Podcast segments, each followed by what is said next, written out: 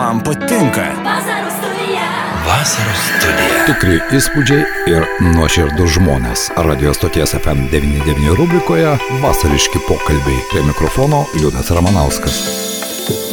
Sveiki, bičiuliai, tą vasarą ir iš ties, ko gero, tie, kurie atostogauja, turi daugiau laiko skirti ne vien kasdieniniam rutininiam reikalams, bet galbūt daugiau turime galimybių ir šiek tiek e, peno savo sielai duoti. Jo lab, jog šiandien mes kalbėsime apie sudėtingus gyvenimo etapus, e, kuriuos kiekvienas, ko gero, kiekviena tauta, kiekvienas iš mūsų esame pergyvenę, jie labai skirtingi. Mes kalbėsime su Ernestu Kučkailiu. Ernestai, laba diena. Sveiki. Esate karys, kas šiais laikais, ko gero, iš tikrųjų turi ypatingą statusą, taip galėčiau pasakyti, kur tik jūs nebuvote ir karštuose taškuose, ir Kosove, ir Afganistane, ir Irake, bet visada surandate laiko sėsti ir parašyti knygą ir štai jau netrukus Liepos 14 dieną Lietuvoje, audiovizualių menų centre arba senojoje sinagogoje, kaip mes ją įpratę e, vadinti, jūs pristatysite savo aštuntąją knygą Išlikę laisvi. Tad karys ir rašytojas. Na, aš žinau, kad istorijoje tokių buvo, ne vienas ko gero, ir ne vieną knygą esame perskaitę. Kas jūs paskatino imti į rankas plunksną? O, rašyti aš pradėjau senokai, tai damaž prieš dešimtmetį ir dar daugiau. Nu, knygą savo pirmą išleidau prieš dešimt metų, beveik lygiai. Bet prieš tai aš rašydavau straipsnius. Ir man tada šovė galvo mintis, kad gal jau atėjo laikas savo prisiminimus autentiškus kažkaip įamžinti. Parašiau aš straipsnių ciklą apie Afganistaną 2002-2003 metais, teko ten būti. Ir tas straipsnių ciklas paskui jau išsivystė iki knygos. Ir, ir, ir išleidau knygą 2012 metais. Tai tokia buvo pradžia mano. Taip, bet dabar 2022 metai ir jau aštuntoji knyga. Taip, dabar jau aštuntoji. Galima sakyti, kad esate labai produktyvus. Aš suprantu, kad mes dabar galbūt, Ernestai, pakalbėkime apie šią konkrečią knygą. Ji vadinasi Išlikę laisvi. Kiek jūsų knygose yra istorinių faktų, kiek ten yra ir kūrybinės fantazijos, kiek ten yra jūsų kaip rašančio žmogaus indėlio, o kiek yra to istorijos jau laiko pasverto istorinio momento? Jo, čia kalbant apie mano knygas, turbūt pats teisingiausias klausimas buvo užduotas. Nes ką aš labai mėgstu daryti, tai, tai kurti. Mane stipriai, pasakysiu atvirai, nežavi e, istorinės knygos, kur yra na, vien dokumentika. Ir man patinka truputėlį tas knygas įdėti daugiau gyvybės. Tai pas mane iš esmės tose knygose yra grožinė literatūra, fikcija pavadinkim. Bet e, visas e, reikalas yra tame, kiek toje fikcijoje, toje kūryboje yra iš tiesų vykusių įvykių tikrovės. Tai e, mano principas kūrybos yra toks, kad kaip ir šioje knygoje, išlikę laisvi, aš sukuriu personažą, kuris niekada neegzistavo, bet jisai yra kažkokio vat, kovotojo, konkretaus žmogaus, galbūt prototipas, gal, gal netgi per jį kai kurie buvę kovotojai galėtų netgi atpažinti save. Ir per tą žmogų aš pasakoju tų istorinių įvykių visą seką, e, įdėdamas, kaip sakiau, truputėlį daugiau gyvybės, nes mhm. čia, čia be abejo ir savo patirties įdedu nemažai kaip tas karys jaučiasi, kokias emocijos jį aplanko, kaip jis elgesi vienoje kitoje situacijoje. Gal ne viskas pas mane yra taip jau nuglostyta, kad, nu, kaip sakyti, romantizuota visiškai. Ten, Supratau. ten yra visokių dalykų. Taip. Ir Kaip ir kare, ko gero, yra pačių įvairiausių dalykų, be jokios abejonės, ar ne? Ir tai negali žvelgti vien tik tai per rožinius akinius, netgi prabėgus laikui. Bet kiek suprantu, ar nes tai vis tik tai tas, na, personažas, galbūt sudedamasis personažas, ar ne, kaip Lego iš įvairių dalykų, vis dėlto jis patenka į tam tikrą prasme istorinius, faktinius įvykius. O visiškai teisingai, visi įvykiai, praktiškai visi įvykiai, kurie knygoje vyksta, yra neišgalvoti. E, visas pasakojimas vyksta pasitelkus tvirtą istorinį pagrindą. Ten yra nemažai tyrinėjimo atlikta ir literatūros perskaityta, ir istorijų išklausyta kad va tą pasakojimą sukurt. Tai prie mano to Štefano Hartmano personažo, kuris yra pusiau vokietis, pusiau lietuvis, ten galima pamatyti ir labai gerai žinomų istorinių asmenybių, tokių kaip Juozas Lukša, pavyzdžiui. Arba kitų kovojusių geležinė vilko rinktiniai vyrų, pavyzdžiui, kad ir kunigas Ylius, kuris įkūrė savo apygardą. Tai tikrų asmenybių, kurie iš, iš tiesų egzistavo ten pas mane knygoje galima būtų suskaičiuoti visai nemažai, nes, kaip minėjau, tai įvykiai nėra išgalvoti, realūs įvykiai įvykiai. Be jokios abejonės, bet tai štai tokia rašymo, toks rašymo būdas, mano nuomonė, Ernestai, suteikia iš ties daugiau tos laisvės, e, e, kūrybiškumo, iš kitos pusės galbūt e, tokios knygos, ypatingai jaunai kartai, jos gali būti kur kas patrauklesnės, nes, na, mes turėjome, ar ne, pirmaisiais, antraisiais nepriklausomybės dešimtmečiais begalė autobiografinio pobūdžio, to paties partizaninio laikotarpio knygų.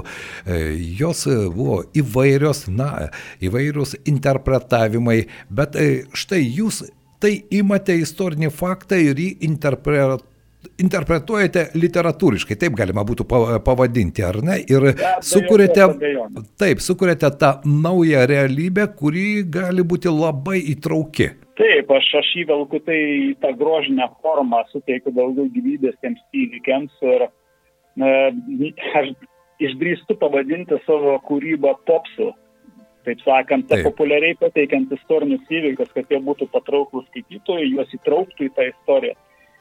Nes esu, esu vieną knygą parašęs netgi pirmoji asmenį, tai ją skaitant tu gali pats e, įsijausti į, į vaidmenį to personažo, praktiškai kartu praeiti ilgą kelionę kartu su Vanagu, su Faustu, sudalyvauti 49 metų deklaracijos paskelbime. Nu, daug tokių dalykų galima sukurti. Nu, dėl to aš grožinę ir, ir mėgstu tą apibraižą. Supratau. Ne, ne, ne tiek tave įpareigoja atkurti taip jau visiškai tiksliai, autentiškai tos įvykius. Leidžia tau pasitelkti kūrybiškai, daug ką surašyti kūrybiškai nu, tas, tas turėjo privalumas didelis. Be jokios abejonės. Mes kalbame apie jūsų knygą Išlikę laisvi ir tai yra e, partizaninis judėjimas Lietuvoje. Kiekvienas, ko gero, turime savo šeimoje, aš irgi turiu ir tėvų amžinatelsi pasakojimo apie savo brolius, seseris, kurie tame dalyvavo. Bet štai kiek jūsų kaip kario profesinio kario patirtis iš esmės padeda rašytojui sėdant prie štai tokio kūrinio, prie knygos išlikę laisvi. Kiek tai iš tikrųjų suteikia, na, ne vien tik tai laisvės, bet iš kitos pusės ir supratimo, ir žinojimo. O tai labai pasitarnauja. Jau, jau vien, tarkim, ginklų naudojimas, iš jų išmanimas arba paskyriau visą skyrių knygai, kada ruošiasi Štefanas į Lietuvą desantuotis. Jisai praeina visą parašytininko kursą, tai nu, aš pats turiu 82 šuolius. Ir netgi dabar atliekam kartais rekonstrukcinius šuolius su Jozolušas desanto aprangom ir ginklais, tai faktiškai atkuriam tuos mhm. įvykius, kokie buvo tada. Tai ta karinė patirtis, tai man be abejo, čia, čia yra ne paskutinė vieta, jinai netgi labai svarbi. Na, aš tikiuosi, kad tai, ta patirtis e, jau literatūrinė forma bus labai patraukli ir skaitytojams. Dar kartą noriu priminti, jog knygos pristatymas Alytuje, Senojo sinagogoje jau Liepos 14 dieną 17 val. 30 min. Na, o kartu su jumis Alytų atvyks ir e, Alytiškiams, senosios kartos Alytiškiams puikiai prisimenamas bardas Romas Naidzinavičius, kuris nemažai dainų sukūręs yra ir Alytuje. Ir štai tokia bendradarbiavimo forma. Kodėl, Ernestai, kodėl su Romu jūs kartu? Nu, žinokit, su Romom tai mes susipažinom gal jau ir seniau. E, tik tai taip, taip kažkaip sukrito, kad e, Romo tematika, jinai tokia labai artima man ir, ir labai daug e, jisai parašęs yra arba muzikos arba ir muzikos ir žodžių. Ta vat ir kovų tematika. Taip. O, o Romas be abejo turi irgi šeimoje praeitį, jo, jo jei neklystų senelės kovo nepriklausomybės kovose. Taip. Tai sužeistas buvo. Tai jisai tą jam žino savo kūrybą ir man ta kūryba labai labai dera su, su mano kūryba. Tai manau, kad su Romu tai mes esam nuostabiai viens kitą papildantis duetas ir, ir vat, mes labai sėkmingai su juo draugaujam. Tai aš tikrai kviečiu ateiti, nes nu, Romas iš tikrųjų yra labai kokybiškas bardas, puikiai groja ir turi nuostabų vokalą. Ir turi tikrą emociją, nesuvaidintą jausmą. O taip, jisai, jisai tikrai publikai atiduoda viską, ką, ką turi pasakyti labai labai nuoširdžiai. Ernestai, šiandien mes nepasakosime viso jūsų knygos išlikę laisvai siužeto, nes tai atimsime malonumą iš skaitytojų ir pagaliau iš sustikimo dalyvių, nes visada geriau pačiam pasėmus knygą iš ties pasinerti į tą pasaulį, bet su jumis kaip su kariu, kuris buvo ne viename karštame taške, aš norėčiau dar paliesti dar vieną temą, jo lab, kad ta karinė tematika iš jūsų gyvenimo niekur nedingo, jūs ir dabar tarnybą tęsėte karybos institute ir aš negaliu ne, na, praleisti progą pakalbėti su profesionalu apie jau penktą mėnesį vykstantį karą Ukrainoje, apie tą patį partizaninį judėjimą, kuris ten irgi okupuotose teritorijose atsiranda. Aš nežinau, kiek jūs esate pasinėręs į tuos kasdienybės realybės karo įvykius dabar Ukrainoje, bet nebejoju, kad jums tai irgi labai rūpi. Tai rūpi kaip ir daugumai mūsų tikriausiai be jokios abejonės. Ir, ir žinoma, kad aš seku įvykius. Jeigu konkrečiai klausot apie partizanį judėjimą tenais, tai labai konkrečių duomenų aš turiu lab, nu, ribotai, pasakykim taip, labai kuklus mano yra, mano, mano žinojimas labai kuklus, nes uh, tam, kad žinoti tikrą informaciją, reikia turėti tiesioginius kontaktus. Ten. Taip. Ir šiuo metu yra ypatingai sunku tą informaciją atsirinkti. Be jokios abejonės. E, štai dar vienas toks e, trumpa replika. Mano tėtis, kuris dešimt metų Magadanė atsėdėjo ir e, prisimena tos visus Vorkutos ir visus kitus sukilimus lageriuose, sako, ukrainiečiais visada galėjai pasitikėti ir mes puikiai su jais suprasdavome vieni kitus. Ir štai dabar nemažai yra kalbama, na, galbūt kartais deklaratyviai, kad mes esame broliai, ta prasme, kovos dvasia mes esame labai artimi. Kiek tame iš tikrųjų yra tokio romantizuoto, na, polėkio galbūt, o kiek yra tam tikros realybės. Kuo vienos ar kitos tautos kariai, nesvarbu, partizaninio judėjimo kariai ar e, kariai, kurie kariauja frontuose, ar jie turi tą tokį na nežinau, kario jausmą, kuris gali būti giminingas? Ko gero, kad taip. Aš netgi galbūt priminčiau mūsų gana seną istorinę jau patirtį, kada vienoj gretoj teko kovoti 16-17 amžius senuosiuose mūšiuose dar Lietuvos kunigaikštystės, Lenkijos karalystės kartu. Tai manau, kad ta, ta mūsų patirtis, na, iš tikrųjų išliko kažkaip tai genetiškai. Ir, ir manau, kad tas ryšys istorinis jisai išliko pakankamai stiprus. Mhm. Ir dabar jisai ypatingai gerai juntamas. Ir ukrainiečiam labai svarbu jausti tą mūsų supratimą ir paramą. Ir, ir jie už tai labai dėkoja. Kiekvienai progai pasitaikius aš labai dažnai girdžiu tos dalykus, kad e, dėkoja tiesiog taip, taip, ir, ir labai nuoširdžiai. Taip, praeitą savaitę irgi mūsų studijoje viešėjo e, žmonės iš Kremenčiuko, iš to miesto, kur įvyko tragedija, raketa pataikė į prekybos centrą ir ne vieną kartą mes ir prasidėjus karui bendravome ir su savo kolegomis ir gyventojais iš skirtingų Ukrainos vietų ir iš ties tie padėko žodžiai atrodo žmonės e, kare patys yra, bet jie niekada nepamiršta pasakyti tą ačiū už tą pagalbą moralinę, ekonominę, finansinę, karinę, bet jie to nepamiršta padaryti. Grįžtant vis dėlto prie dabartinės situacijos Ukrainoje, jūs profesionalas puikiai matote tą situaciją. Aš nekalbu apie galbūt tokią labai gilę analizę, bet kaip galėtumėte įvertinti dabartinę situaciją? Propaganda dirba, dirba rusų propaganda, ukrainiečiai taip pat neatsilieka, mano nuomonė, kad jų propaganda taip pat puikiai susitvarko, galbūt ne su visom problemom, bet jie susitvarko. Kaip jūs galėtumėte įvertinti? Jeigu kalbėtų apie pro, pro, propagandą, tai iš tiesų rusai stiprus labai yra šitam kare, bet ukrainiečiam tai galima iš tikrųjų rašyti 10 balų drąsiai, nes e, mano manimu, tai jie tą daro puikiai. Įdomu, kaip įvertintų, tarkim, strateginės komunikacijos specialistai jų va, tą propag dalyvavimą propagandiniam kare, bet Taip. mano manimu, iš tikrųjų jiems sekasi labai gerai. Ir čia mes, mano nuomonė, galėtume iš jų kai ko ir pasimokyti. O ko gero, kad taip. Manau, kad galima pasimokyti. Šiaip daug dalykų galima iš to karo pasimokyti. E, nes nu, visada geriau yra mokytis per, per kitų klaidas arba gerus dalykus, bet e, iš tiesų, vat, realiam kare daug kas uh, išryškėja, ar tai trūkumai, ar tai pliusai.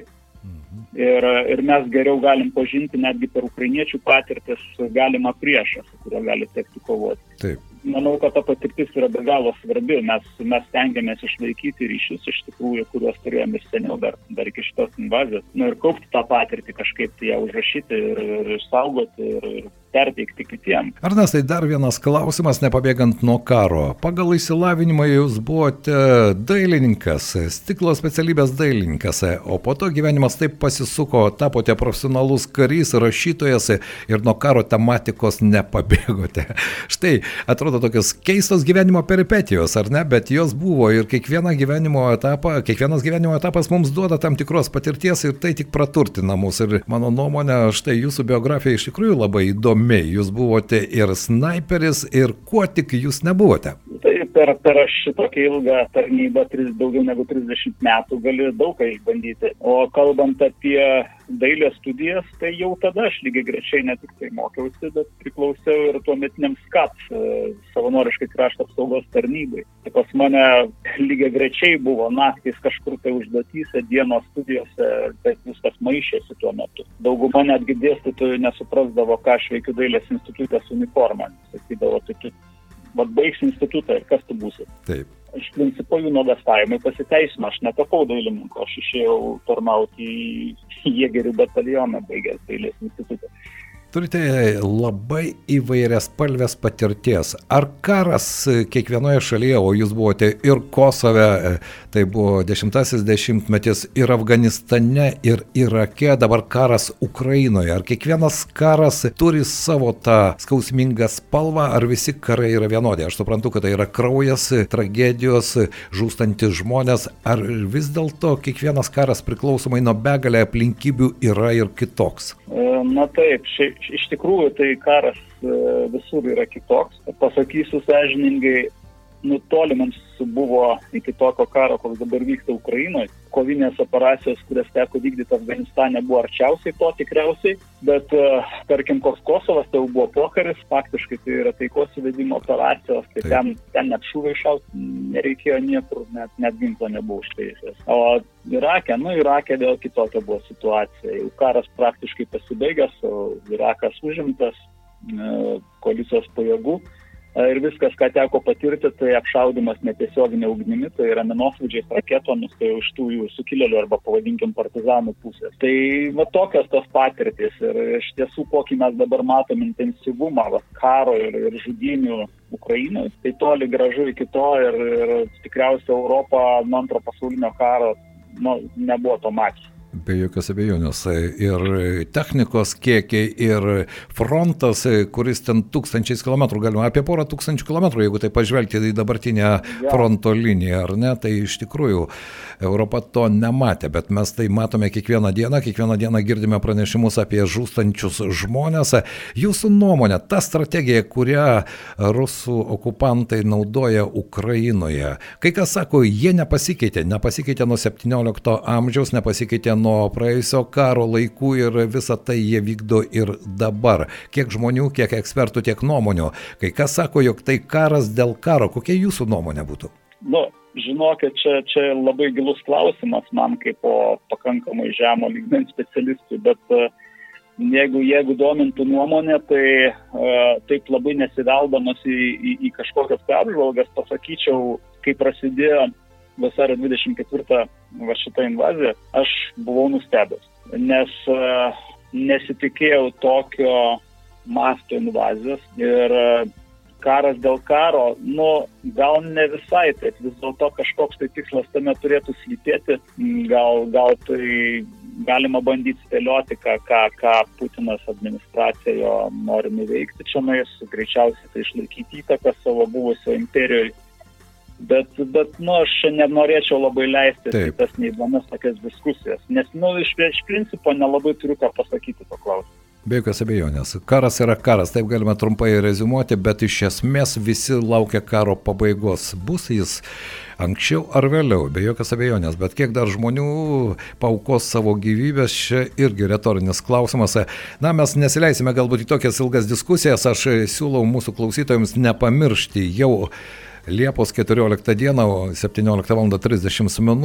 į įdomų susitikimą su mūsų pašnekovu Ernestu Kutskailiu, rašytoju, kariu. Ir nebejau, kad susitikime kalbėsite ne tik apie savo naujausią knygą Išlikę laisvi, bet daug iš to, kas yra jūsų gyvenimo patirtie, taip pat galės išgirsti ir susitikimo dalyviai. Tikrai nevengi diskusijų ir bendravimo, tai atėję klausytojai galės bet ko klausti manęs, ne, nebūtinai apie knygą. Ačiū Jums šiandien, Ernestai, iki pasimatymo Lietuvoje jau Liepos 14 dieną. Dėkui, man buvo įdomu su Jumis pabendrauti. Ačiū, labai lauksiu tikrai susitikimo. Mūsų pašnekovas buvo Lietuvos kariuomenės viršila Ernestas Kutskailis, karys ir rašytojas, kuris Lietuvoje pristatys savo aštuntąją knygą Išlikę laisvė. Jau Liepos 14 dieną, kaip minėjau, 17 val. 30 min. audiovizualiųjų menų centre arba senoje sinagogoje kartu su Ernestu atvyks ir puikiai alitų pažįstantis bardas Romas Naicinavičius. Tad kviečiame nepraleisti šios galimybės. Vasariški pokalbiai vasariškoje studijoje. Prie mikrofono Liudas Ramanauskas.